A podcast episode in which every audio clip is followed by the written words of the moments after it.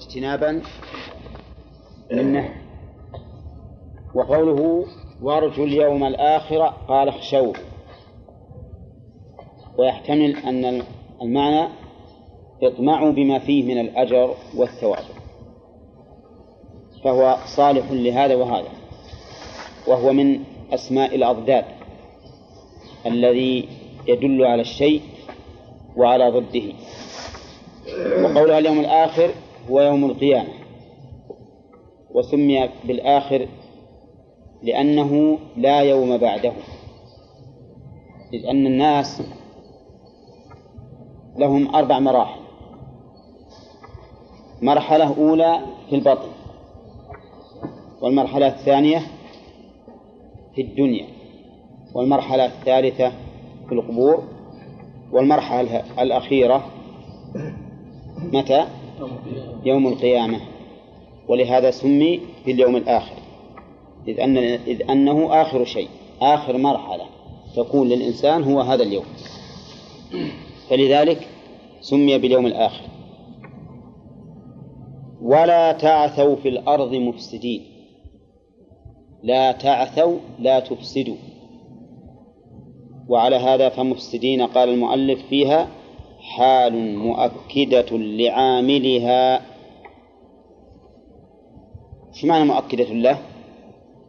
أي بمعناه وهذا التأكيد لفظي أو معنوي عجيب ها؟ ليش؟ آه ليس من مادة الفعل لو قال ولا تعثوا في الأرض عاثين لكان لفظيا. أما هنا فإنه معنى لأنه أكده بالمعنى إذ أن العثو يقول المؤلف من عثي بكسر المثلثة أفسد. يقال عثي يعثى كفرح ها؟ يفرح. أنتم ما تعرفون الأبواب أبواب التصريف. كم هي؟ ستة. ستة. منها باب فعل يفعل. كفرح يفرح ورضي يرضى وعثي على رأي المؤلف يعثى. ويجوز أن تكون من باب فعل يفعل. عثى يعثو. نعم. وكلاهما بمعنى أفسد. ولهذا قال المؤلف أفسد. وقوله ولا تعثوا في الأرض مفسدين. النهي هنا واضح ولهذا جزم الفعل بحذف النون. لا تعثوا. بماذا يكون الإفساد هل المراد الإفساد الحسي كهدم البناء وإفساد الأنهار وقطع الأشجار ونحو ذلك؟ أو أن المراد الإفساد المعنوي. أو كلاهما. ها؟ كلاهما. فلا يجوز الإفساد حتى بالأمور المادية. ولهذا نهى النبي صلى الله عليه وسلم عن إضاعة المال. ما هو هذا مكانه؟ ها؟ نعم. نعم. إيه. لا ما واسع أقول إن الإفساد في الأرض يشمل الإفساد بالمعاصي والإفساد الحسي المادي. نعم. والدليل على هذا قول أن النبي صلى الله عليه وسلم نهى عن إضاعة المال.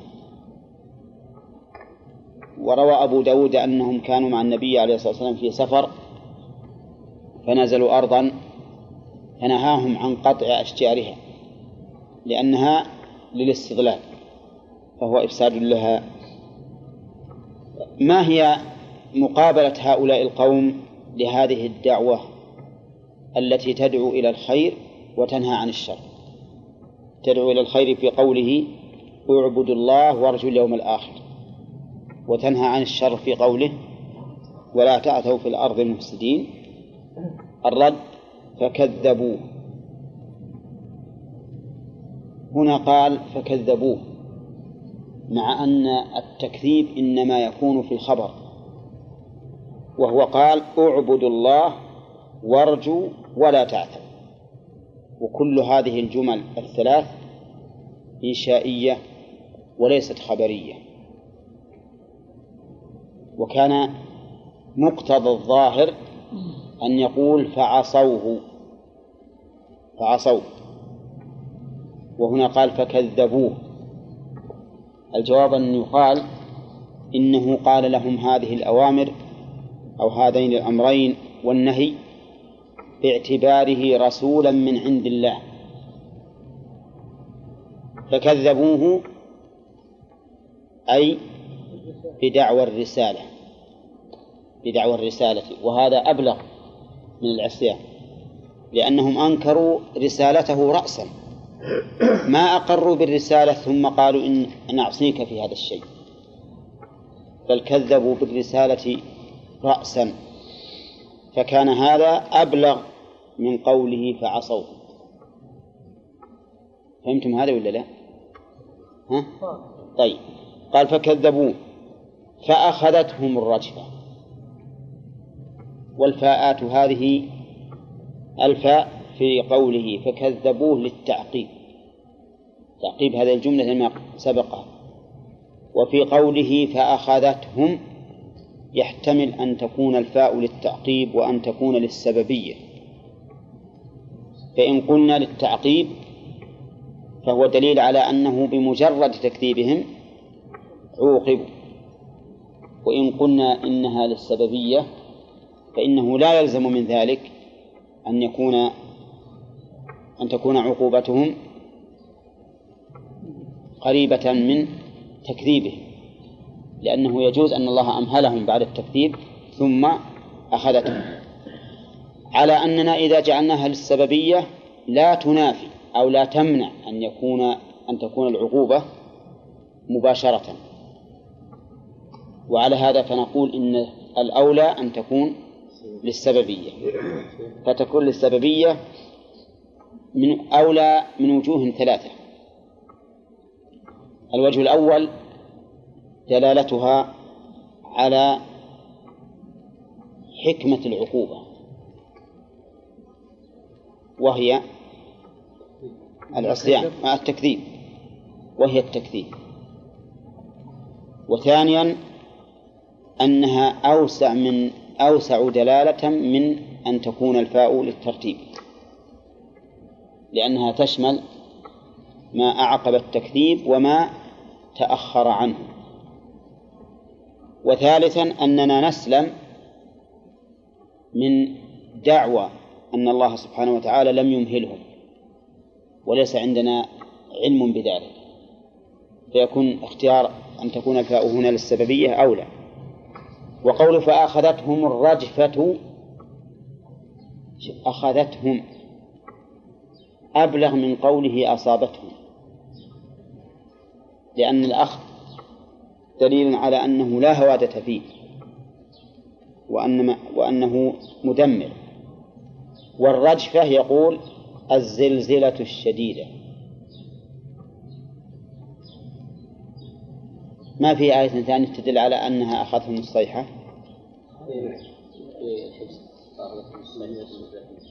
لا لا. قصدنا شعيب. ثمود ورد في الصيحة والرجل أما هنا شعيب. شعيب ما ورد. ليس هود. أخذتهم؟ فأصبحوا في ديارهم جاثمين كأن لم يروا فيها.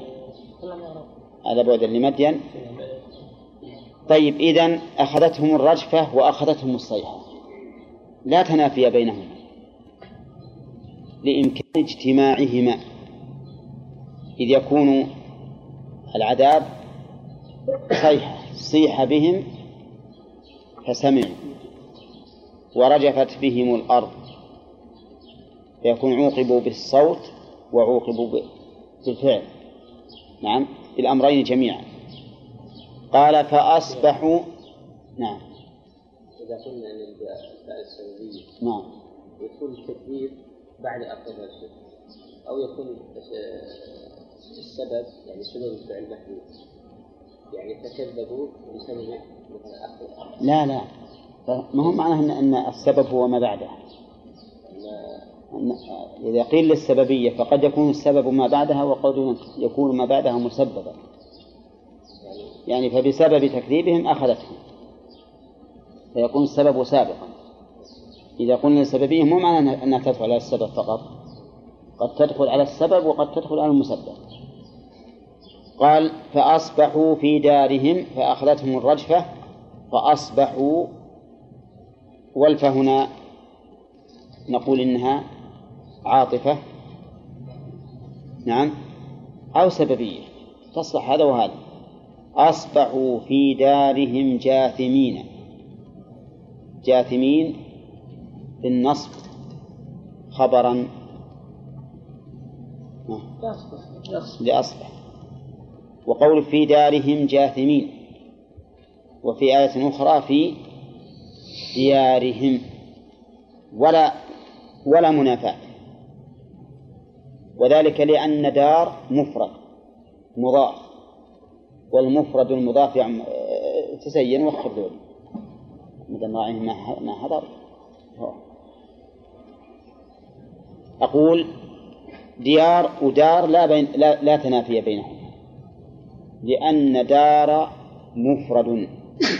والمفرد المضاف يعم. ونطلب من الأخ مثالا يدل على أن المفرد المضاف يعم. من القرآن.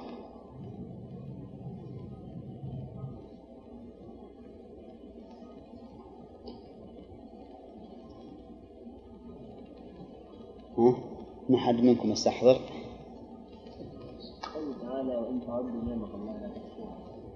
قوله تعالى وإن تعدوا نعمة الله لا تحصوها. نعمة مفرد لكن يقين أن المراد هنا الجمع بدليل قوله لا لا تحصوها لأن الوا- الواحد يحصى طيب. إذا دار وديار لا فرق بينهم من حيث المعنى. وقول جاثمين قال المؤلف باركين على الركب ميتين. أعوذ بالله هذا الجاثم. لشدة ما نزل بهم بركوا على ركبهم ثم همدوا وصاروا جاثمين. قال تعالى وأهلكنا عادا وثمودا بالصرف وتركه. الصرف ما هو الصرف؟ الصرف تنوين. قال ابن مالك الصرف تنوين أتى مبينا معنى به يكون الاسم أمكنا فهنا يجوز الصرف ثمودا ويجوز ترك الصرف وهما قراءتان ثمود. وهكذا كل أسماء القبائل يجوز فيها من حيث الأصل الصرف وعدمه. كل أسماء القبائل. فالصرف باعتبار الحي وهو مذكر. وعدم الصرف باعتبار القبيلة وهي مؤنثة. فعليه. إذا قلنا ثمود بدون صرف نقول معطوف على عادا والمعطوف على المنصوب منصوب. ولم ينون لأنه لا ينصرف والمانع له من الصرف. العالمية. العلمية والتأنيث. العلمية والتأنيث.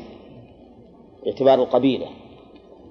وعلى ثمودا نقول ثمودا معطوف على عادا. والمعطوف على المنصوب منصوب ونون لأنه مذكر باعتبار الحي. وقوله عادا وثمود مفعولان مفعولان لفعل محذوف. التقدير كما قال المؤلف أهلكنا. أهلكنا عادا وثمودا. عاد أين محلهم؟ بالأحقاف لقوله تعالى واذكر أخا عاد إذ أنذر قومه بالأحقاف. وثمود قوم صالح بالحجر جاء ثمود معروفة إلى الآن. قال تعالى وقد تبين لكم إهلاكهم من مساكنهم بالحجر واليمن. قد تبين ظهر لكم الخطاب لمن؟ نعم لقريش. لأنهم تبين لهم هذا ويعرفونه. وقوله من مساكنهم. من على تقدير المؤلف تكون سببية. أي تبين لكم إهلاكنا إياهم بسبب رؤيتكم مساكنهم. تكون السببية.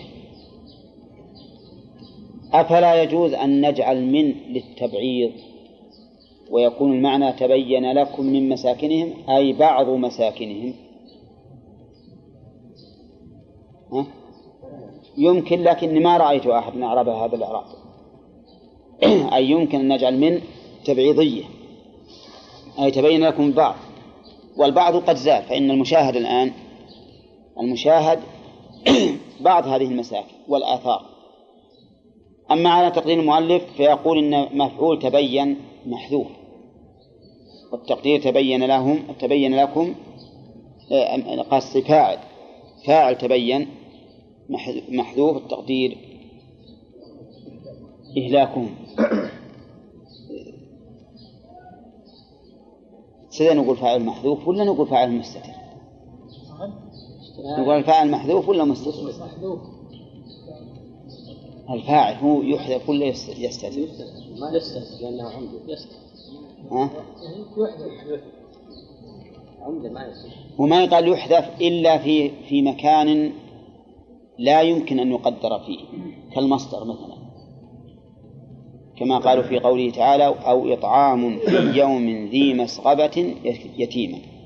قالوا أن الفاعل هنا محذوف لأنه ما يمكن استتاره بالمصدر أما إذا كان يمكن استتاره ها فإنه يقال مستتر. يقال مستتر. نعم. والمحذوف قد يكون عمده وقد يكون فضله. لكن الحقيقة أن المؤلف كلامه يوهم بأنه محذوف. كلام المؤلف يوهم بأنه محذوف. والحقيقة لو قال المؤلف وقد تبين أي إهلاكهم وجعلها مفسرة للمحذوف لكان أولى. نعم. ومن ساكنهم بالحجر واليمن. هذا الحجر واليمن ترتيب مشوش ولا مرتب؟ قصدي لف ونشر مرتب ولا مشوش؟ لأن بالحجر يعود على ثمود وهو متأخر في القرآن. واليمن يعود على عاد. ومثل هذا لا ينبغي. يعني لا ينبغي للمفسر أو الشارح لكلام أحد لا ينبغي أن يشرحه على هذا الترتيب. لأن الجاهل الذي لا يدري لو نحن ما ندري عن هذا عن مكانهم. لقلنا إن الحجر من هنا لعاد. وقلنا إن اليمن لثمود. أي نعم. قال وزين لهم الشيطان أعمالهم. هذه على تقدير قد يعني وقد زين لهم الشيطان أعمالهم من الكفر والمعاصي. زين بمعنى حسن وجمل. فحسن لهم والعياذ بالله الأعمال من الشرك والمعاصي. وقال إن الشرك حسن. لأنكم تعبدون هذه الأصنام لتقربكم إلى الخالق. ما نعبدهم إلا ليقربونا إلى الله زلفى ثم إنكم ترجونها وتدعونها فيحصل لكم المقصود لأن الله تعالى قد يبتلي العابدين فيجعل فيحصل لهم مقصودهم عند هذا الشيء لا به. عنده لا به. حين الآن نقول عنده لا به. نعم. يعني قد يدعو الصنم قد يدعو النبي صلى الله عليه وسلم قد يدعو ملكا من الملائكة فيقدر الله ابتلاء وامتحانا أن يكون هذا السبب عند دعائه له. نحن المؤمنين نعلم بأنه ما حصل به لكنه حصل عنده امتحانا. والله سبحانه وتعالى قد يبتلي الإنسان بالامتحان بالمعصية فتسهل له وتزين له. وقد مر علينا أن أن الله امتحن اليهود بإيش؟ بالحيتان. تأتي يوم السبت ولا تأتي في غيره. وابتلى الله الصحابة رضي الله عنهم بالصيد. تناله أيديهم أيديهم ورماحهم وهم محرمون. وهكذا أيضا قال النبي عليه الصلاة والسلام رجل دعته امرأة ذات منصب وجمال فقال إني أخاف الله. ما عندهم أحد لأنه لو كان عندهم قال أخاف من الناس. لكن قال أخاف الله. فالإنسان قد يبتلى بالمعصية امتحانا. كذلك أيضا يقول الشيطان لهم هؤلاء الأصنام إذا عبدتموها تقربكم إلى الله وتكون وسيلة. ما نعبدهم إلا ليقربونا إلى الله. أما المعاصي فكذلك أيضا يزينها الشيطان للإنسان ويسهلها عليه ويقول أنت اعمل والرب غفور رحيم اعمل تتوب الدنيا أمامك. نعم. ما دمت لم يتم لك أربعون سنة فإنها لا تجب عليك الصلوات ولا الصيام. إذا تميت أربعين سنة وبلغت أشدك حينئذ تجب عليك الصلاة والصيام. هذا موجود الآن عند بعض المسلمين الجهال. وقوله هنا زين لهم الشيطان الشيطان وش وزن الشيطان؟ هو الحقيقة ما له وزن ما له قيمة لكن وزنها اللفظي. الإعلام حسب الأصل. يعني اختلاف الأصل. نعم. يعني بعضهم يقول أصلا شيطان يكون بهذا المعنى على وزن فعلان شيطان وبعضهم يقول أصلا لا. شاطر لا. فعل. هو اللي يجيب. إذا جعلناه من شطنة فهو على وزن؟ يلا يا شيخ. فيعال على وزن فيعال فيعال على وزن فيعال نعم. أما إذا كان أصلها شاطر آه، شاطأ فتكون على وزن فعلان. فعلان. علان بالنون. نعم. طيب. و... والذي ها؟ شطن شطنة بمعنى بعد؟ لا شاطر من شاطة طيب لا لو كان الشاطئ لكانت النون. زائدة. إذا كانت زائدة ينصرف ولا ما ينصرف؟ إذا كانت زائدة ممنوع من الصرف طيب وال- واللي بالقرآن حفظناها من كل شيطان رجيم. منصرف ولا لا؟ من الصرف إيه؟ هو منصرف لكن قد تقولون إن هذا منكر. وما فيه الألف والنون إذا كان منكرا فإنه ينصرف. لأن اللي فيه الألف والنون يمنع إذا كان وصفا أو علما. وشيطان ما هو وصف. على كل حال الأقرب أنه من شطن إذا بعد عن رحمة الله. إذا بعد عن رحمة الله. ها؟ ها؟ لا وقد يراد به الجنس. الكلب الأسود شيطان. ما هو علم هذا؟ يعني شيطان من الشياطين. ولذلك نقول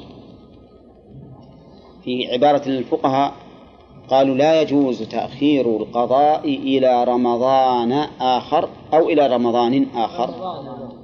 لا إلى رمضان آخر. لأنه نكرة مو علم مثل الآية نعم. مثل الآية وحفظناها إي نعم. ال- المهم على كل حال إن الذي يظهر أن الشيطان من شطن إذا بعد. وقوله نعم. إيه، زين لهم الشيطان أعمالهم. هنا أضاف التزيين إلى الشيطان. وفي آية أخرى أضاف التزيين سبحانه وتعالى إليه نفسه. فقال إن الذين لا يؤمنون بالآخرة زينا لهم أعمالهم فهم يعمهون. فكيف نجمع بين الآيتين؟ أن يضيف الله سبحانه وتعالى التزيين مرة إليه ومرة إلى الشيطان. باعتبار السبب. وباعتبار الفاعل الحقيقي فالفاعل الحقيقي اسمه هو الله سبحانه وتعالى. والسبب هو الشيطان. المزين هو الله. نعم المزين الفاعل الحقيقي للتزيين هو الله. أيهما الذي باشر التزيين؟ الشيطان. إذن هو الحقيقي. نعم هو الحقيقي. هو سبب فقط. لأنه كله بقدر الله سبحانه وتعالى. يعني معناه أنه أضيف التزيين إلى الله لأنه بقضائه وقدره. نعم. وأضيف التزيين إلى الشيطان لأنه مباشر له. كذا؟ وهو كذلك. فيضاف إلى الله تعالى خلقا وتقديرا. ويضاف إلى الشيطان مباشرة. مباشرة. قال زين لهم الشيطان أعمالهم فصدهم عن السبيل. صدهم عن السبيل أي صرفهم. وهذا من استعمال صد متعديا لأن صد تكون لازما ومتعديا. إذا قلت صد الرجل عن سبيل الله فضل لازم ولا متعدي؟ صد الرجل عن سبيل الله فضل. لازم. ها... إيه. هذه لازمة نعم. و... وإذا ومثل هذه الآية وصدهم فصدهم عن السبيل صرفهم هذه متعدية. قال وإذا قيل لهم تعالوا إلى ما أنزل الله وإلى الرسول رأيت المنافقين يصدون عنك ها؟ صدودا. يصدون عنك صدودا. المصدر الآن على وزن فعول. قال ابن مالك وفعل اللازم مثل قعد له فعول. لكن صد المتعدي وش مصدره؟ لا صدا صد المتعدي مصدره صدا.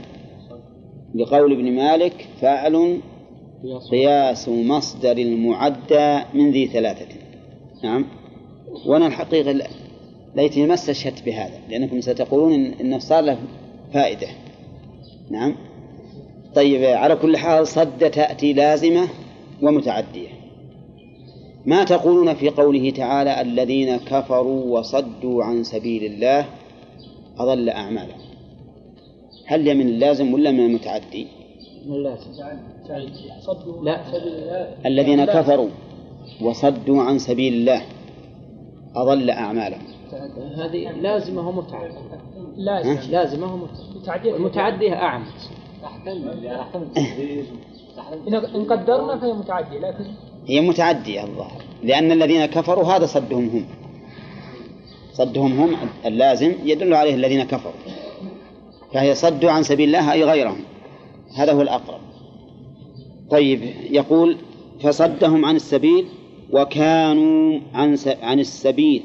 أل في قوله السبيل للعهد الذهني المعلوم وهو سبيل الحق.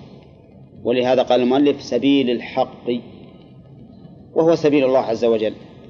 وسمي سبيل الله لأنه يوصل إليه ولأنه هو الذي وضعه لعباده. كما في قوله تعالى صراط صراط الله الذي له ما في السماوات. نعم. وقد يضاف إلى المؤمنين كقوله تعالى ويتبع غير سبيل المؤمنين. فكيف نجمع بينهما يا آدم؟ السبيل أحيانا يضيفه الله إلى نفسه كما في قوله وصدوا عن سبيل الله. وأحيانا يضيفه الله إلى إلى المؤمنين كما في قوله ويتبع غير سبيل المؤمنين. كيف تجمع بينهم؟ ها؟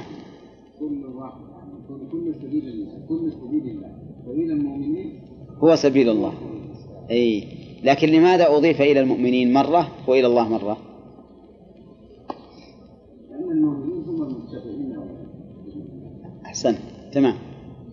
وأضيف إلى الله مثل ما قلنا قبل قليل لأنه وصل إليه وهو الذي شرعه لعباده. وبينه وجعله لهم. نعم. قال و فصدهم عن السبيل وكانوا مستبصرين. ذوي بصائر. يعني أنه سبحانه وتعالى أعطاهم من العقول والبصائر ما يمكنهم الاهتداء به. وقد ذكر الله ذلك في سورة في قوم صالح صريحا. فقال وأما ثمود فهديناهم فاستحبوا العمى على الهدى. فهم عندهم بصائر وعندهم علم لكنهم كانوا مستكبرين والعياذ بالله. فهم صدهم عن السبيل مع أن الله أعطاهم ما يتمكنون به من مدافعة الشيطان ولكن غلبوا على أمرهم بما زين لهم الشيطان. الآيات الكفار الذين لا يفقهون ولا صم بكم عن قام لا يعرفون. إيه. ما قلنا أن العقل عقلان هنا مستبصرين أي مستبصرين يعني معناها أنهم عندهم بصيرة. يعني عندهم عقول يدركون بها. لكن ليس عندهم عقول يهتدون بها. يعني بمعنى أنهم اهتدوا بها انتفعوا بها. فهم عندهم بصائر ومعرفة لكنهم ما انتفعوا بها. إيه نعم. يكون عنده بصيرة لكن ما, ما عنده اهتداء بهذه البصيرة. بصيرة الإدراك مو بصيرة إي نعم ما اهتدوا ما اهتدوا بها.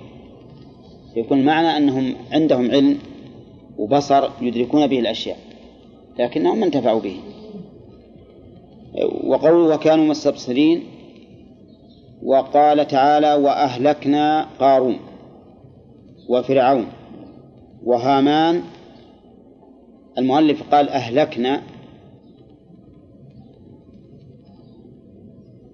وهذا التقدير باعتبار السياق.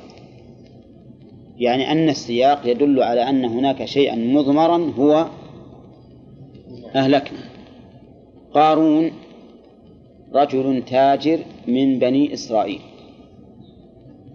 ولكنه كما قال الله عز وجل بغى عليهم. وقد أعطاه الله تعالى مالا عظيما حتى إن مفاتحه تثقل بالعصبة. لجماعة من الناس. هذه المفاتح مفاتح الخزائن. ولهذا ما آمن بموسى. اغتر بماله والعياذ بالله فلم يؤمن بربه. وفرعون معروف. هو ملك مصر الذي ادعى أنه الرب. وقال أنا ربكم الأعلى.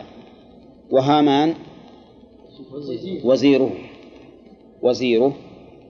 وإنما قدم قارون لعلو نسبه لأنه من بني إسرائيل وهم أشرف من الأقباط.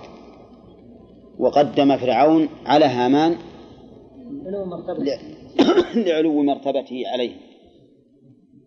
وقوله وقارون وفرعون وهامان لو قال قائل أليس هذا الترتيب من باب ترتيب من باب البداءة بالأدنى؟ الجواب؟ الجواب لا. لو كان من باب الأدنى لقال هامان لقال قارون وهامان وفرعون. نعم. يكفر ما آمن به يرد على من؟ قال نافق كان يقرأ التوراة من؟ بعض بقارون إيش؟ قال قارون. كان من أحسن الناس صوتا بالتوراة. مم. لكن اغتر بما ما ما ندري عن هذا إذا ما جاء به نص ما نعلم عنه وفرعون وهامان ولقد جاءهم موسى. كل هذه قارون وفرعون وهامان كلها لا تنصرف. المعنى من الصرف العلمي. العالمي والعجمي نعم.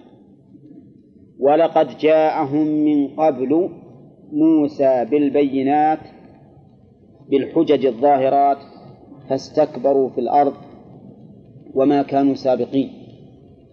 ولقد جاءهم هذه الجملة كما تمر علينا كثيرا مؤكدة بث- بثلاثة مؤكدات. وهي القسم المقدر واللام وقد. وقوله ولقد جاءهم من قبل موسى. قبل إيش؟ قبل الهلاك ولا قبل عاد وثمود؟ ها؟ قبل لا لا نعم. موسى بالبينات ألبى هنا للمصاحبة.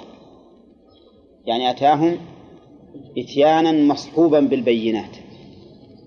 لأن الله تعالى لا يرسل رسولا إلا أعطاه من البينات ما يؤمن على مثله البشر. لأنها الحكمة والرحمة تقتضي هكذا. إذ ليس من المعلوم وليس من الحكمة أن يرسل رجل من الناس إلى الناس ويقول إني رسول الله بدون بينة. ولا لا؟ فلا بد من بينة. آية واضحة تدل على أنه رسول. ولهذا قال بالبينات أي بالآيات البينات قال المؤلف الحجج الظاهرات. منها مثلا العصا ومنها اليد وكذلك السنين التي أخذوا بها. ولكن مع هذا ما انتفعوا نسأل الله العافية. قال فاستكبروا في الأرض. استكبروا بمعنى تكبروا وعلوا وارتفعوا على الحق ولم يقبلوا. وتعرفون ما جرى لموسى مع فرعون من المناظرة والتهديد حتى وصل به الحال إلى أن قال لأجعلنك من المسجونين. فاستكبروا في الأرض وما كانوا سابقين فائتين عذابنا. يعني ما كانوا سابقين لنا لم يسبقونا. والسبق بمعنى الفوات. فأنت إذا مثلا سبقت إنسان وسبقك أي فاتك وعجزت عنه. هؤلاء مع استكبارهم وعظمتهم وعلوهم. ما سبقوا الله عز وجل. أبدا. أما قارون فخسف الله به وبداره الأرض وبقي فيها إلى يوم القيامة. وما نفعه لا بيته الذي احتمى به ولا ماله الذي كنزه.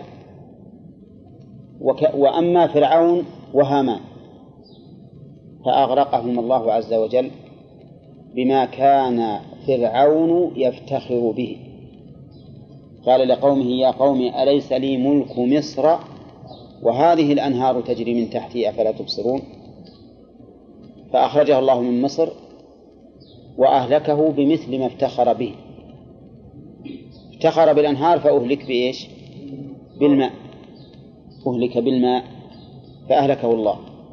فما فاته الله عز وجل؟ ما فاته الله مع أن فرعون حين إهلاكه كان يظن أنه منتصر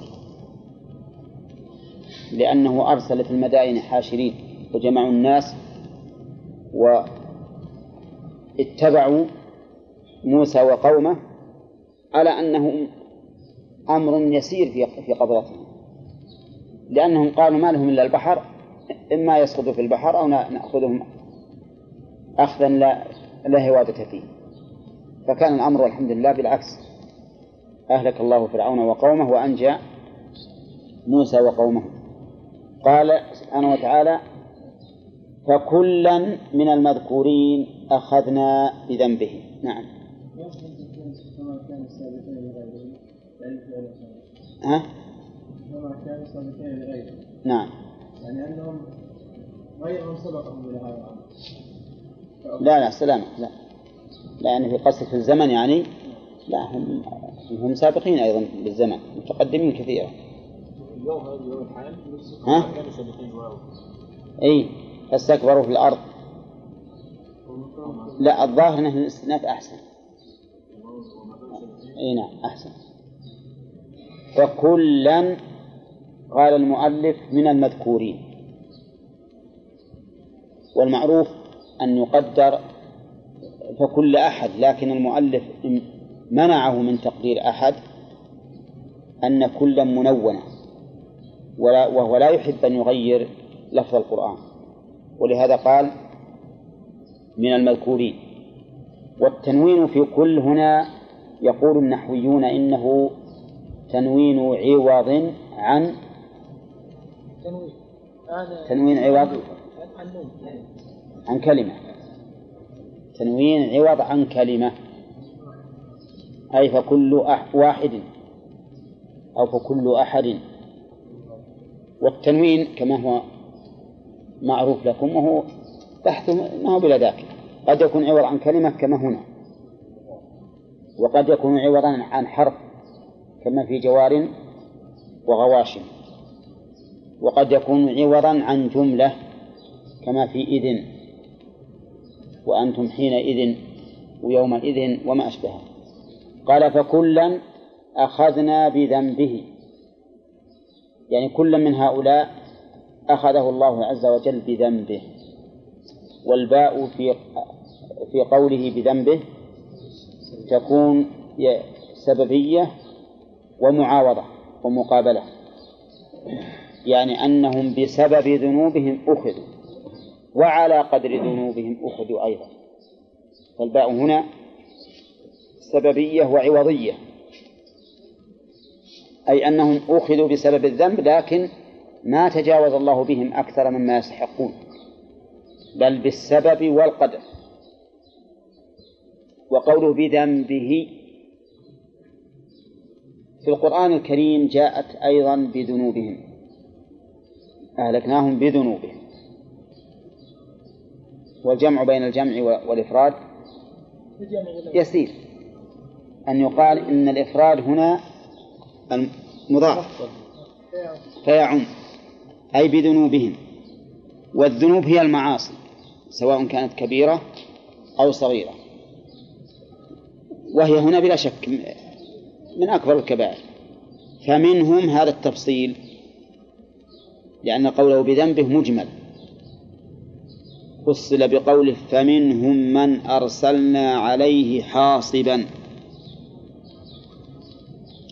أرسلنا عليه ولم يقل إليه. لأن لأن هنا إرسال عذاب فهو عال عليهم وليس إرسال خطاب حتى نقول إن غاية هذا الخطاب المرسل إليه. فهو إرسال عذاب. أرسلنا عليهم حاصبا ريحا عاصفة فيها حصباء كقوم لوط. نعم. أرسلنا عليهم. إي بس هذا فيه نظر. لأن المفهوم من قوم لوط أن الذي أرسل عليهم من السماء. أولى حاصبا من السماء وهي حجارة من سجيل. مثل الذي أرسل على أصحاب الفيل. أولى. مثل أرسل على أصحاب الفيل. وليست هي من الحصبة التي تثير التي تثيرها الرياح. ولا علمنا أن الله تعالى أرسل الرياح على قوم لوط. ولو كانت رياحا تحمل الحصبة لبين الله عز وجل. فيقال من أرسلنا عليه حاصبا كقوم لوط صح؟ فإن الله تعالى أرسل عليهم حاصبا من السماء تحصبهم حجارة من سجيل ومنهم من أخذته الصيحة مثل يقول مالك كثمود قوم صالح وشعيب أصحاب مدين ما أخذتهم الصيحة ها؟ أين؟ أي؟ هنا لكن في آية أخرى أخذتهم الصيحة. ومنهم من خسفنا به الأرض. مثل قارون. طيب. ومنهم من أغرقنا كقوم نوح وفرعون وقومه. هؤلاء أهلكوا بالغرق. أما فرعون وقومه فغرقوا بالبحر الأحمر. وأما ثاني من؟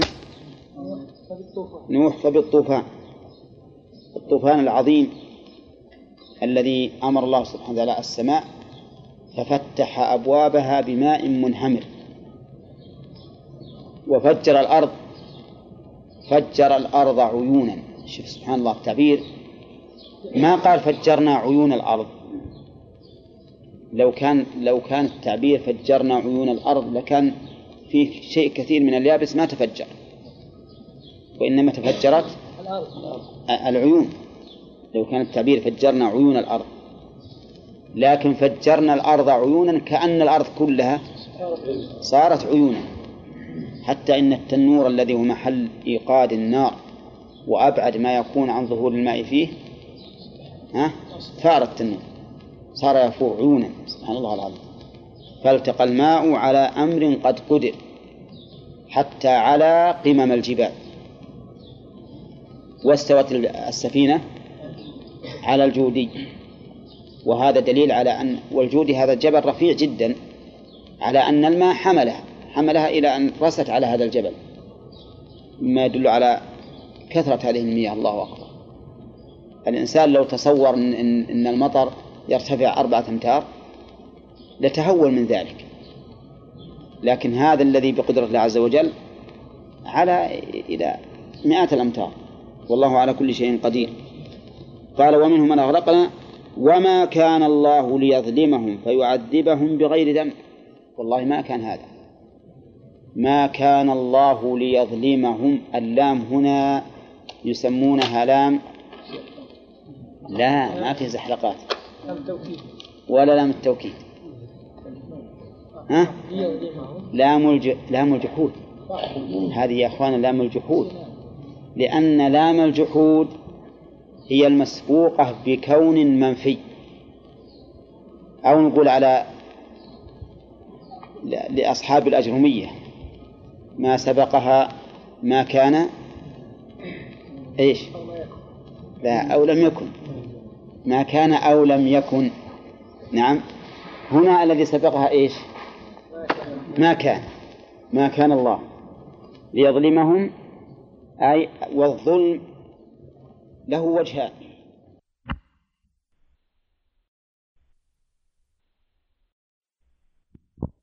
هذا لما نفى أن يكون الله ظلمهم بين من أين وقع هذا الظلم؟ فقال كانوا أنفسهم يظلمون. أنفسهم خبر كان. والواو اسمها. ها. أنفسهم الجملة فعية خبر كان. وأنفسهم أنفسهم مفعول يظلمون. قد أنفسهم يظلمون؟ إيه. كانوا يظلمون أنفسهم. خبر خبر اسم اسم. لا اسم, اسم كان الواو. كانوا ها؟ طيب إذا جعلنا لو كانت تأكيدا لكانت لكانت مرفوعة. منصوبة. منصوبة بيظلمون من باب الاشتغال. من باب الاشتغال. نعم. إيه. ما تقولون الآن؟ توافقون إبراهيم؟ الاسم الواو وخبر الجملة. الكلام على أنفسهم وش نقول فيه مفعول يظلمون مفعول يظلمون من باب الاشتغال؟ لا لا ما به ضمير. ما به ضمير مشتغل. إذا مفعول مقدم ليظلمون. أولى ولا فيه اشتغال. لأن الاشتغال يقول ابن مالك إن إن مضمر اسم سابق فعلا شغل عنه بنصب لفظها والمحل. الاشتغال لابد يكون ضمير في الفعل المشغول ولهذا سميناه اشتغال. أما هنا فأنفسهم مفعول مقدم ليظلمون وتقديمها له فائدتان. فائدة لفظية وفائدة معنوية. الفائدة اللفظية مراعاة الفواصل. مراعاة الفواصل يعني أواخر الآيات. هذه فائدة لفظية. لو قال ولكن كانوا يظلمون أنفسهم ما تناسبت مع ما قبلها وبعدها. والثانية الفائدة المعنوية ها الحصر. والاختصاص. يعني ما ظلموا إلا أنفسهم. نعم. فهم في الحقيقة هم الذين ظلموا ولكن كما قال تعالى في آية أخرى وما ظلمناهم ولكن كانوا هم الظالمين. أما نحن ما ظلمناهم. نعم. تقديم أذكر قوم نوح. يعني جعل السياق هذا منهم. راجع نعم. إلى قصة نوح. إلى إيش؟ ما ورد ذكر نوح هنا إلا في أول السورة. يعني نوح ما ورد. إيه وش فيه؟ فمنهم يعني من المذكورين يعني عادا وثمود وقارون وفرعون وهامان. هؤلاء الذين ذكروا يعني. وكل من المذكورين أخذنا بذنب. إيه؟, إيه فمنهم ترتيب يعني على الترتيب. ذكر قوم نوح هنا له وجه. قوم نوح صدق في أول السورة ما هي على كل حال يعني من الناس ما. يعني أنت تريد أن تكون الضمير على على أقرب مذكور. أنت. إيه ثم ترتيب التسلسل ترتيب القرآني إيه؟ ذكر العذاب بالتسلسل حسب طيب من أخذت الصيحة يقول كثمود نعم. ما ما هو بهذا الترتيب. نعم. لأن شعيب قبل هؤلاء. بس قلنا هي صيحة تصلح شعيب يقوم شعيب مدين وثمود هي ما ت... على على إذا راعينا الترتيب ما تصلح هنا لثمود ولا لا؟ أو تصلح. لأنه قبل قارون. ومنهم من أخذ الصيحة. ومنهم لا سيما أن المؤلف يقول فكلا من المذكورين. لو قال فكلا من المذنبين كان على كل هذه مسألة بسيطة. ما دام فيه مثال لهذا وهذا. نعم.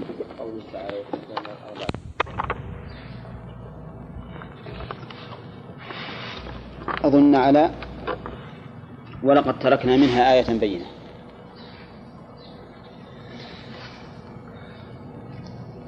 ها؟ ها؟ آخر ما كتبنا من الفوائد ها؟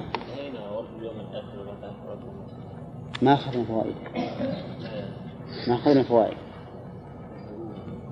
وش عندكم الفوائد اللي يكتبون؟ ويش؟ الفوائد وش يقولون عليه؟ إنا منزلون على أخذنا فوائد. أخذتها؟ بما كانوا يفسقون. ها؟ ذكرنا فيها إثبات السبب.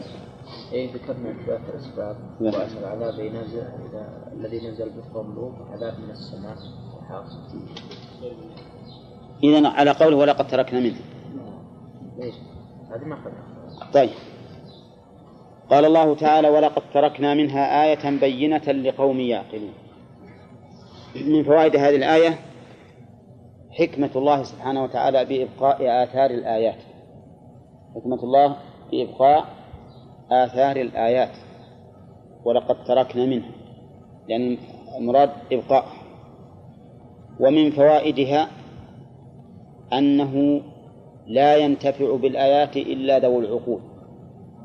إلا ذوو العقول. لقوله لقوم يعقلون. ومنها فائدة العقل. فكلما أوتي الإنسان عقلا فإنه من نعمة الله عليه. كل ما كان أعقل فهو من نعمة الله. منين نأخذ فائدة العقل؟ من كون صاحبه ينتفع به في الآيات التي تركها الله عز وجل. طيب. ثم قال وإلى مدين أخاهم شعيبا فقال يا قوم اعبدوا الله وارجوا اليوم الآخر إلى آخره. من فوائد هذه الآية إثبات رحمة الله وحكمته في إرسال الرسل. فإن إرسال الرسل يدل على الرحمة والحكمة.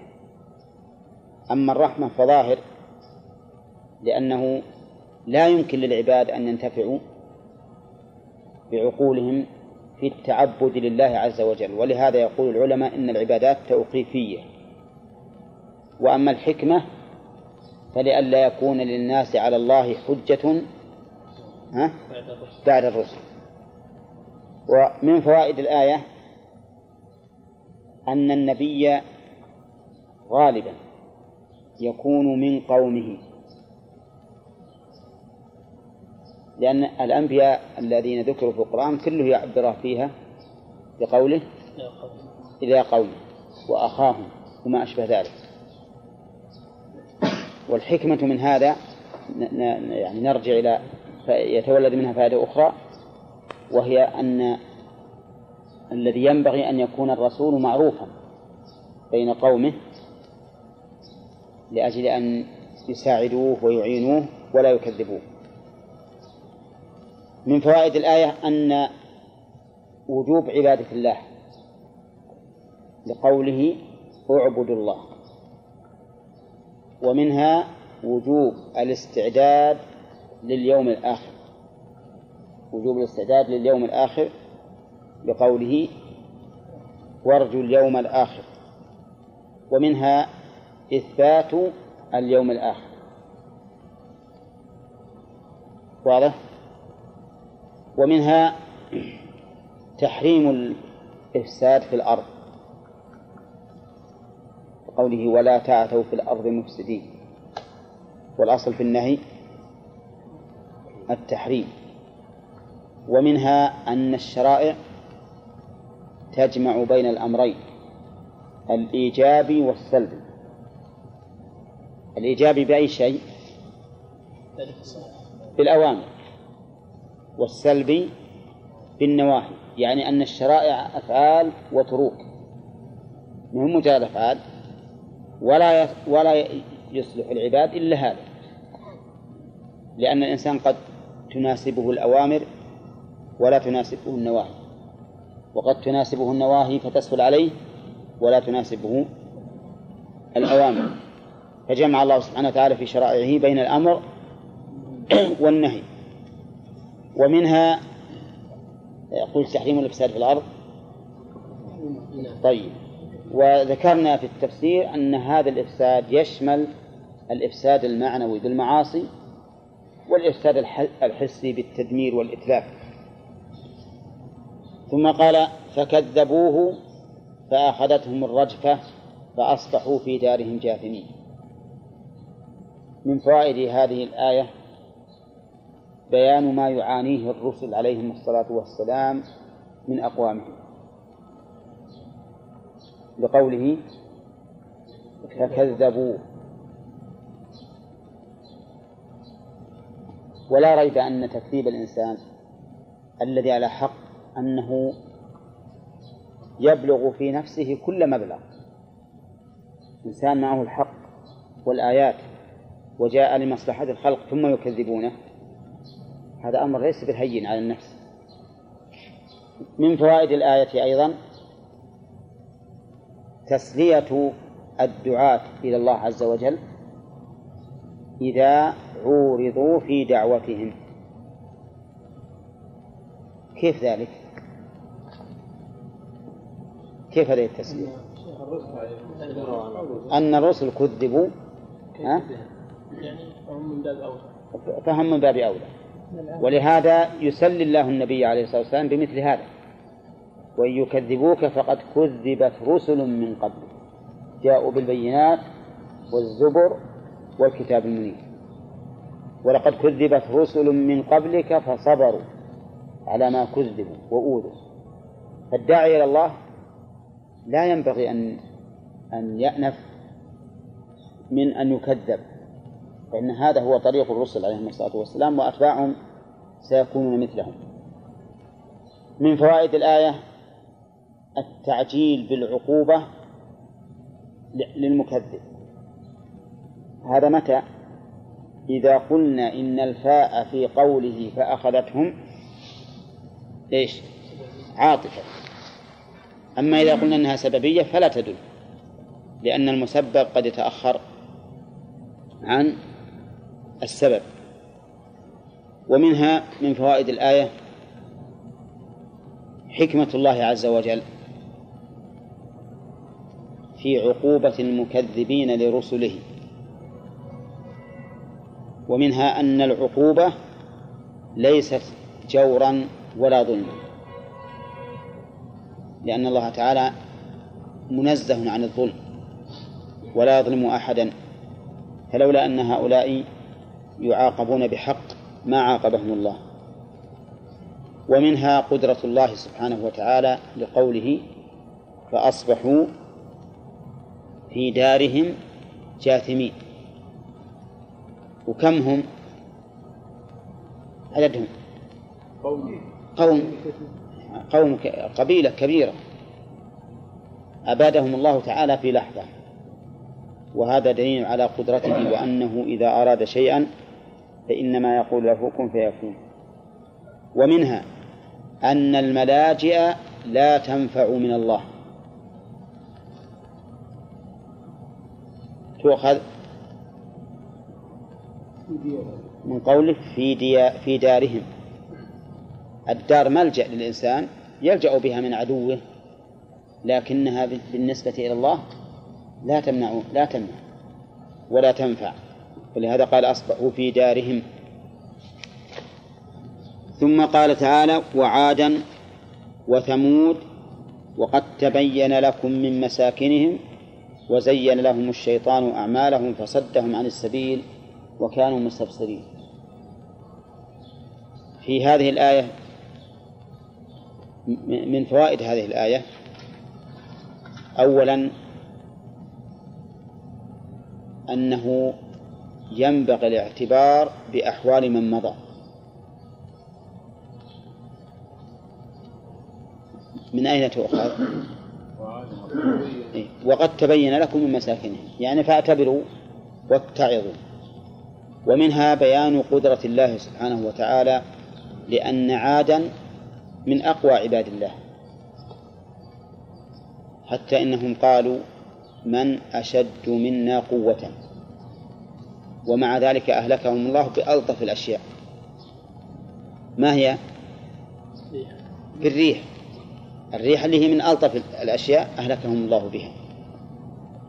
فدل هذا على كمال قدرة الله سبحانه وتعالى وأنه مهما بلغ الناس من القوة فليست قوتهم بشيء بالنسبة إلى قوة الله. ومن فوائد الآية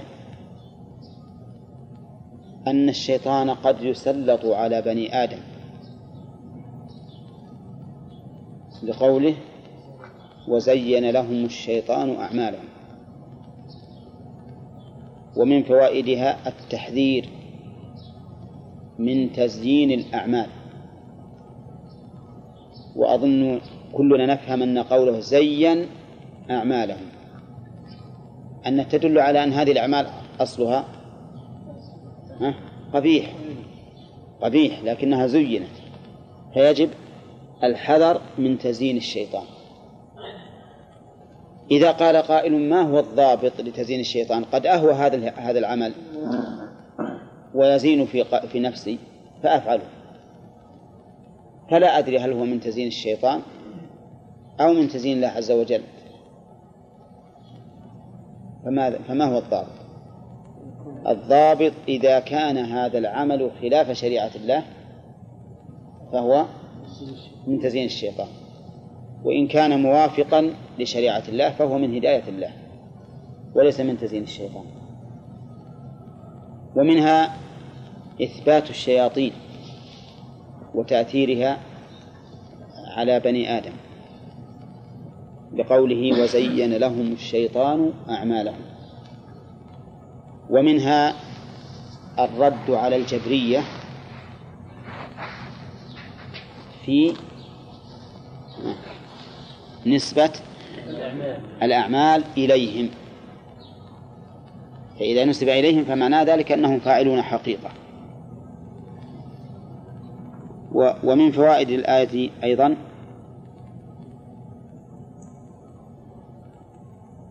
أن الأعمال السيئة قد تكون سببا لضلال العبد. لقوله فزين لهم الشيطان أعمالهم وزين لهم الشيطان فصدهم. ولا ريب أن الأعمال السيئة أنها سبب لضلال العبد. فبما نقضهم ميثاقهم لعناهم وجعلنا قلوبهم قاسية يحرفون الكلمة عن مواضعه ونسوا حظا مما ذكروا به. والأعمال السيئة يجر بعضها بعضا حتى يعمل الإنسان والعياذ بالله عن الحق بسبب معصيته. ومن فوائد الآية بشاعة الصد عن السبيل مع البصيرة.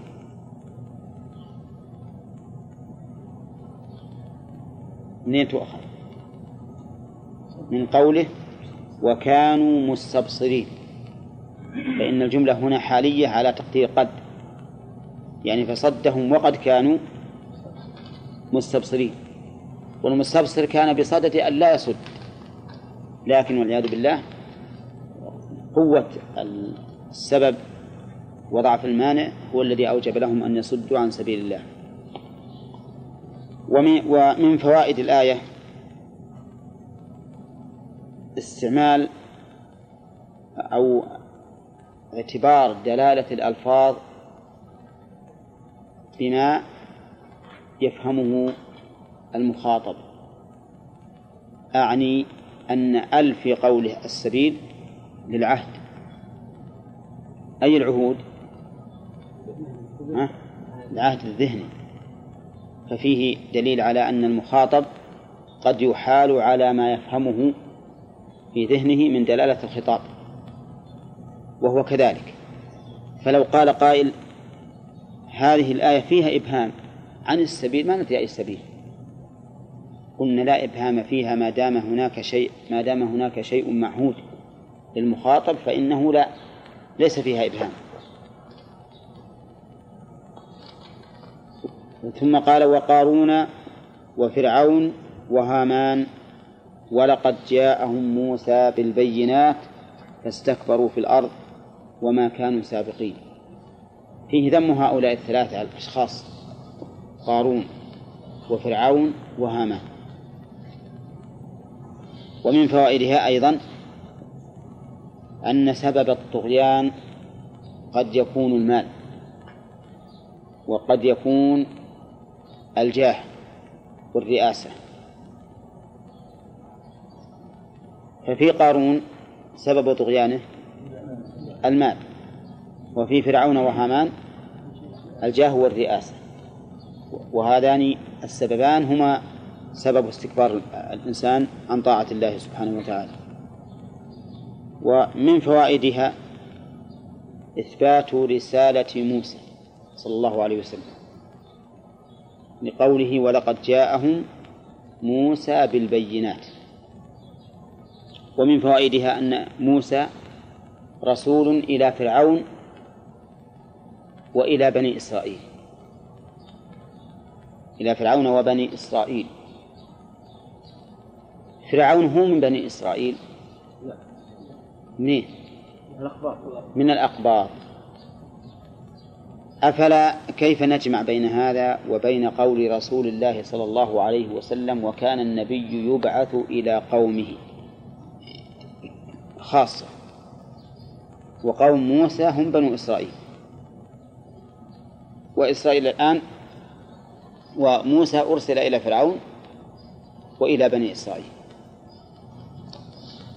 كانوا موجودين في مصر في مملكة فرعون. ها؟ كانوا موجودين في مصر في مملكة فرعون. اللي هم بني إسرائيل. ثم إنه كان يستعبدهم وكان يمنعهم من الخروج. كان من المقتضى يذهب إليه أولا.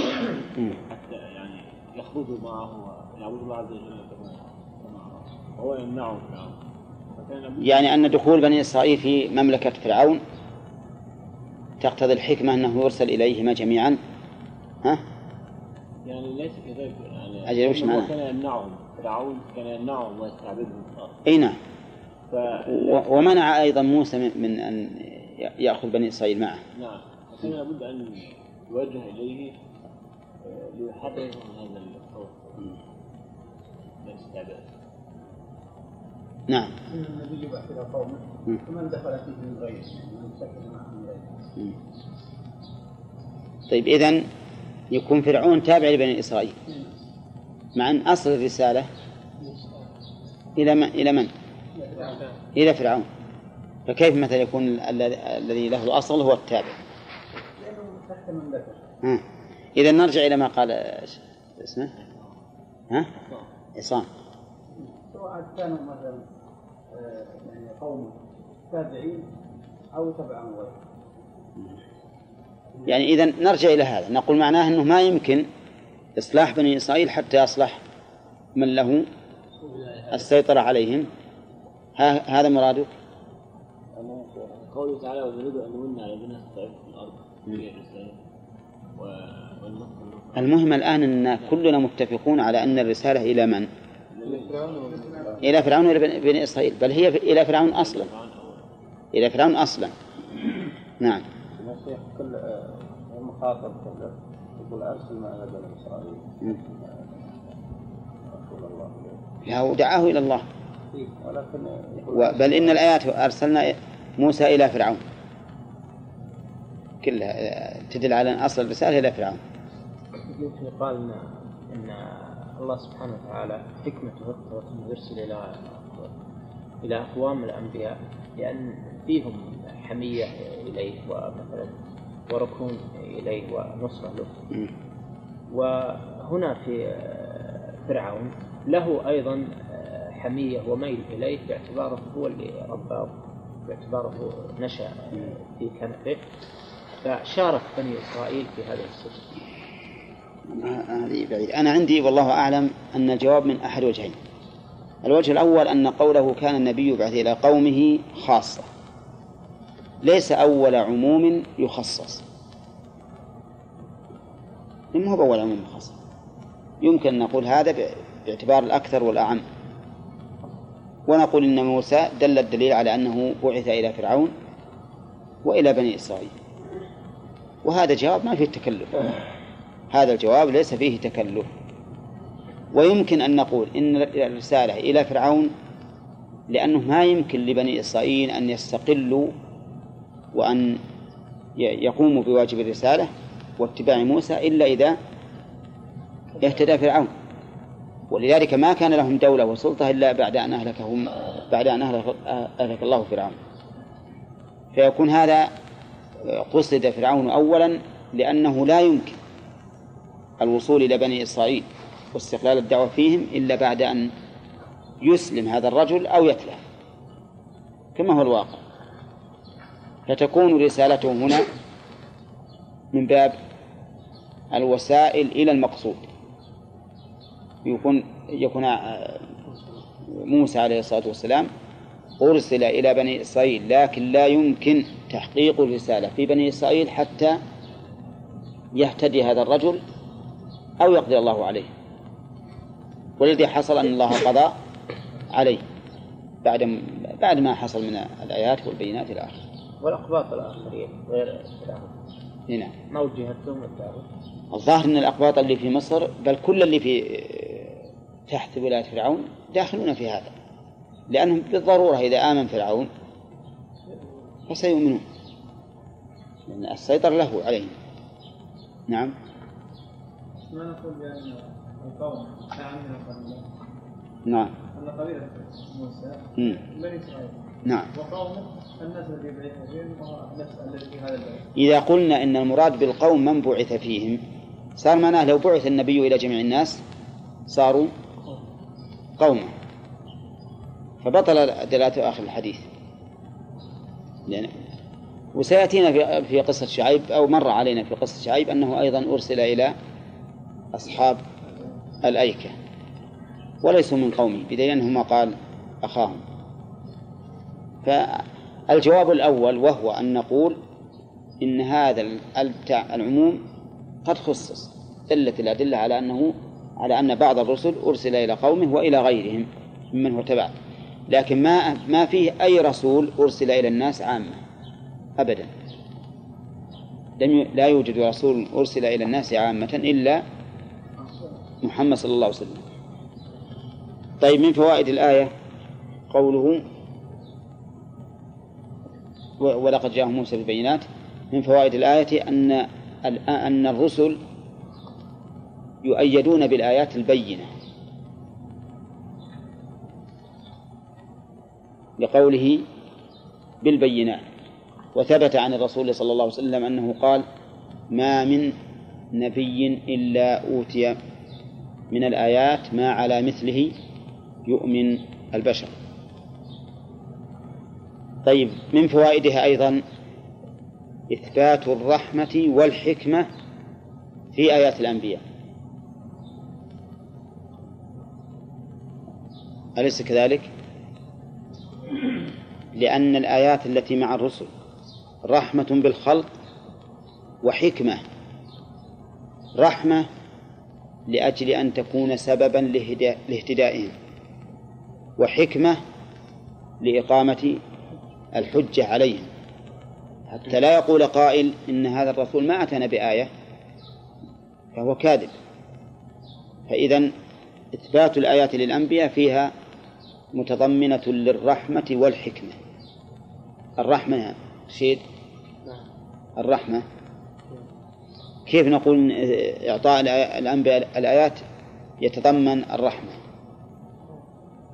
لا يتعبدون إلا عن طريق الرسل. كيف؟ إذا أرسل الله الرسل.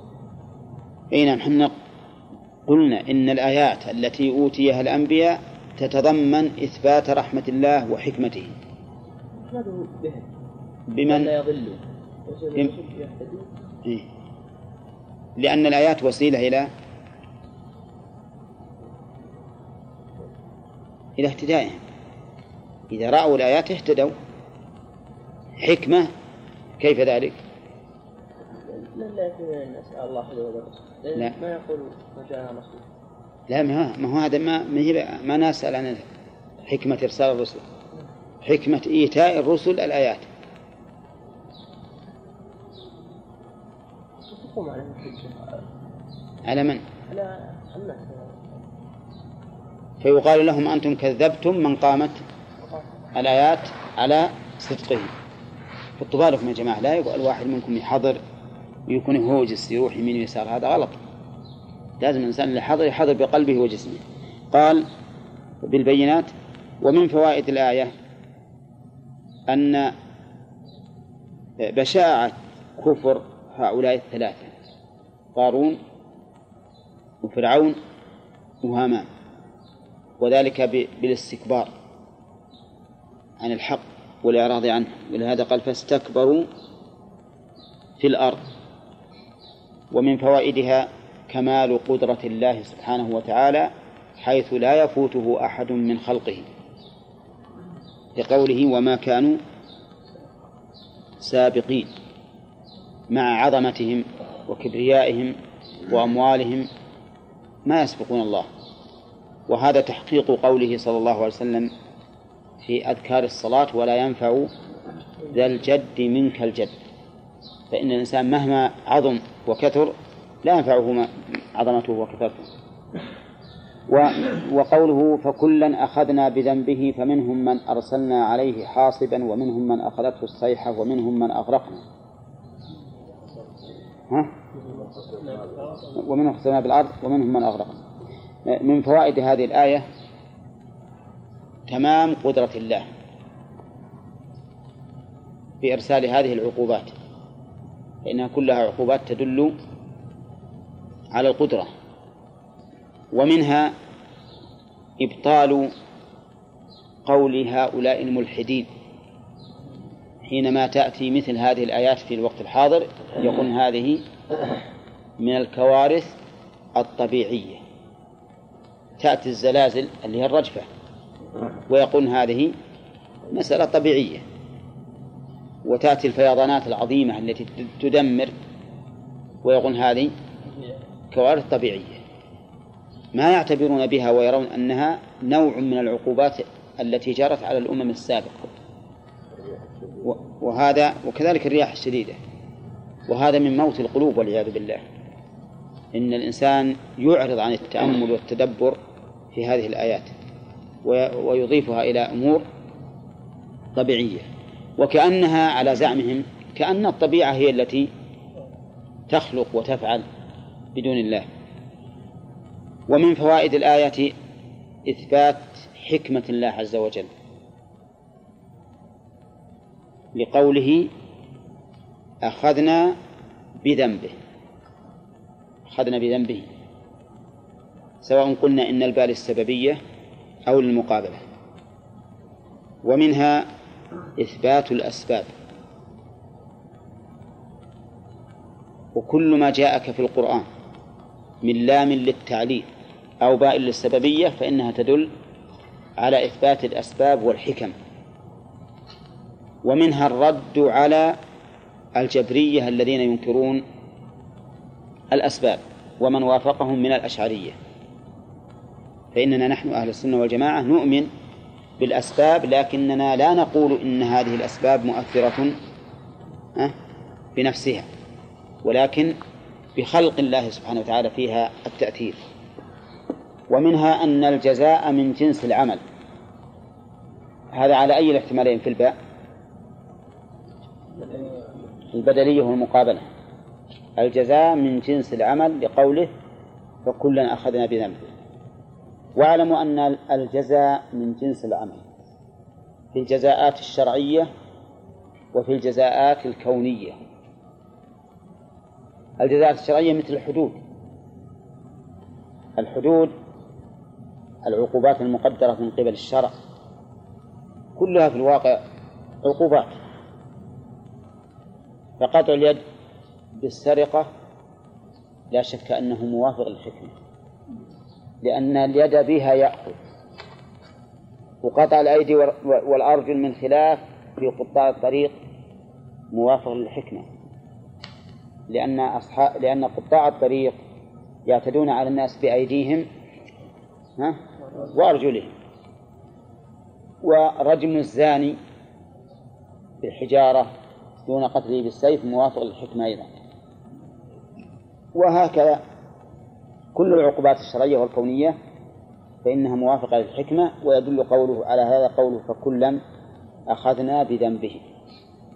ومن فوائد الآية أيضا آه، قوله حاصبا وصيحة وخس وغرق. هذه الأنواع الأربعة من العقوبات ذكرها له حكمة. لأن قوله من أرسلنا عليه حاصبا. هذا إهلاك جاء من فوق. من خسفنا به الأرض ها؟ من تحت. من أخذته الصيحة هذا إهلاك بالقول والصوت. وقول من أغرقنا إهلاك بالماء. لأجل أن يتبين للناس أن العقوبات لا تأتي من نوع واحد تأتي من أنواع متعددة بحسب حال المعاقب. ومنها ولكن ما وصلنا إلى قوله ما كان الله ما أظن. ما كملنا الآية؟ ها؟ كملنا. طيب. ومنها بيان كمال عدل الله لقوله وما كان الله ليظلمهم وهذه الصفة أظنها من الصفات السلبية. أو الثبوتية. السلبية وقد مر علينا عدة مرات أو عدة مرات أن الصفات السلبية لا تكون مدحا إلا إذا تضمنت ثبوتا. فمجرد مجرد النفي مهم مدح حتى يتضمن ثبوتا. إذا نفى الله الظلم عن, عن نفسه ليس معناه أنه لا يظلم فقط بل لكمال عدله لا يظلم. وليس المعنى أنه غير قادر على الظلم بل هو قادر سبحانه وتعالى على أن يظلم لكنه لكمال عدله لا يظلم. ولو كان غير قادر على الظلم لم يكن نفي الظلم عنه مدحا. ما كان مدحا. أليس كذلك؟ ولهذا قالوا في قول الشاعر قبيلة لا يغدرون بذمة ولا يظلمون الناس حبة خردل نفي الظلم عن هؤلاء الجماعة هو مدح ولا ولا ذم؟ ها؟ في هذا الباب ذم يعني لأنهم لعجزهم لا يظلمون وكذلك قول الشاعر لكن قومي وإن كانوا ذوي حسب ليسوا من الشر في شيء وإن يعني ما هم ما هم من الشر في شيء. ولا يفعلون الشر. ولا فيهم شر أبدا. بل أبلغ من هذا أنهم يجزون من ظلم أهل الظلم مغفرة. ومن إساءة أهل السوء إحسانا. إذا ظلمهم أحد قابلوه بالمغفرة والسماح. نعم. وكذلك أيضا إذا أساء إليهم أحسن. هذا ظاهره أنه مدح. نعم. كما قال عبد الله قال جزاهم الله خيرا. نعم. لكنه في الحقيقة ذم من أبلغ الذم. لأنه يحتقرهم ويقول إنهم ما يستطيعون أن يثأروا لأنفسهم أو ينتصروا لأنفسهم. بل إذا إذا أسيء إليهم قابلوا بالإحسان خوفا من إساءة أعظم. نعم. وإذا ظلموا غفروا. ولهذا قال نفس الشاعر فليت لي بهم قوما إذا ركبوا شنوا الإغارة فرسانا وركبانا. تمنى أن الله يعطيه بدله فالمهم أن مجرد يعني مجرد إثبات النفي لا يدل على الكمال حتى يتضمن مدحا. يتضمن مدحا وثبوتا. ومن فوائد الآية أن الإنسان هو الظالم لنفسه بفعل المعاصي لقوله ولكن كانوا أنفسهم يظلمون إذا فأنت حرام عليك فعل المعاصي لأنه ظلم لنفسك. وأما الله تعالى فلا يظلم.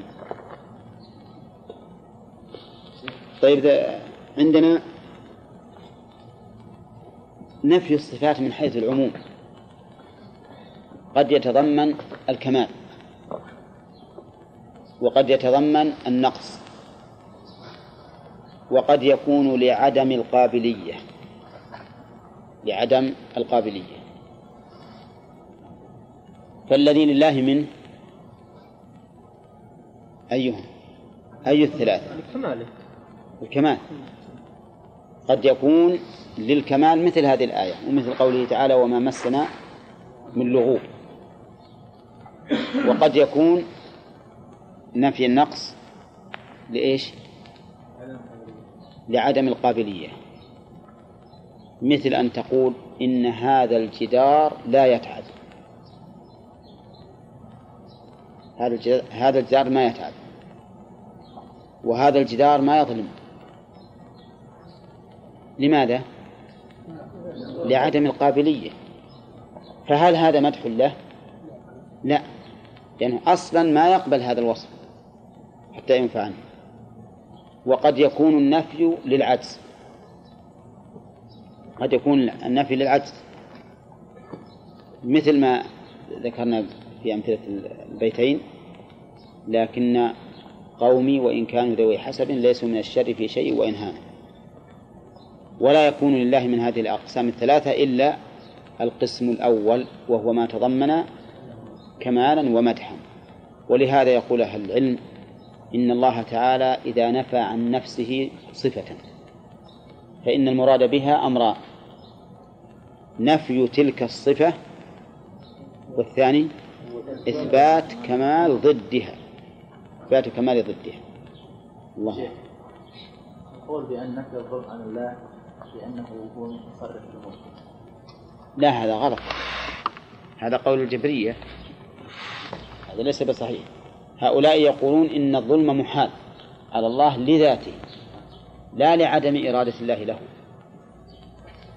وذلك أنهم يقولون إن الظلم أن يتصرف الإنسان في ملك غيره. والله تعالى إذا تصرف في ملكه فليس بظالم. فيجوز على زعمهم وليس بظلم أن يعاقب المطيع الذي أمضى ليله ونهاره في طاعة الله.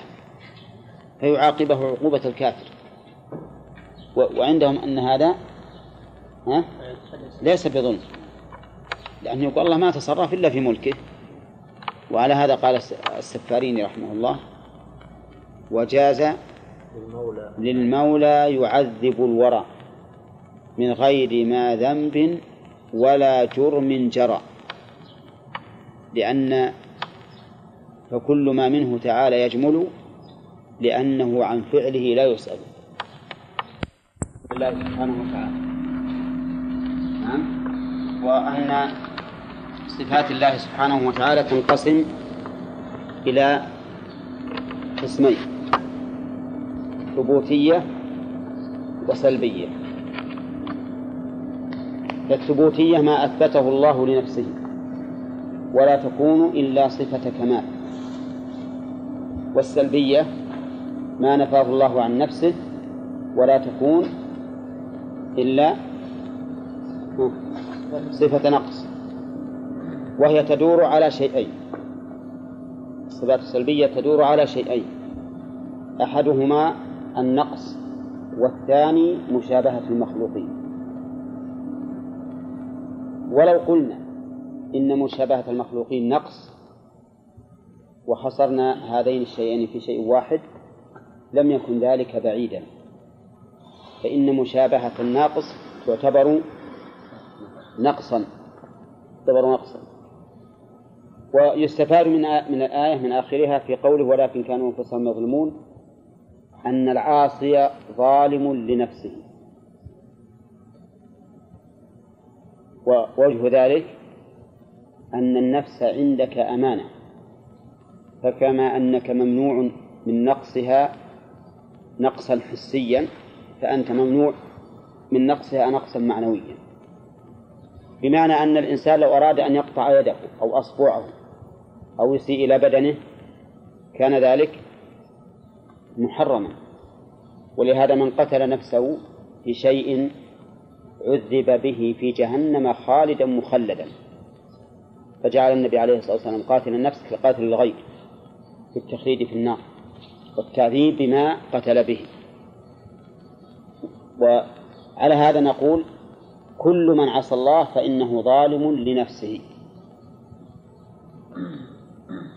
ومن هنا نعرف معنى قوله تعالى ومن يرغب عن ملة إبراهيم إلا من سفه نفسه وأن العدول عن ملة إبراهيم سفه لأنه ظلم للنفس من حيث لا يشعر الإنسان. ثم قال تعالى مثل الذين اتخذوا من دون الله أولياء أصناما يرجون نفعها كمثل العنكبوت. مثل ومثل هي كشبه وشبه وزنا ومعنى. فالمثل بمعنى الشبه المثل بمعنى الشبه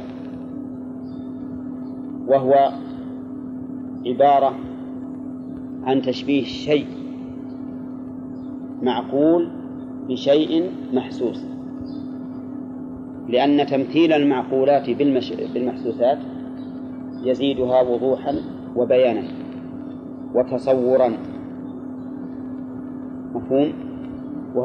وإن كانت لا تتساوى من كل وجه لكنها من هذا الوجه الذي شبهت به تتساوى. وقوله مثل الذين اتخذوا من دون الله أولياء أي جعلوا أولياء والمراد بالأولياء الأصنام. وسموا أولياء لأن عابديها يرجون نفعها. كالولي الذي ينفعك بالنصرة والدفاع وجلب الخير وما أشبه ذلك. وأيضا أولياء حيث إنهم هم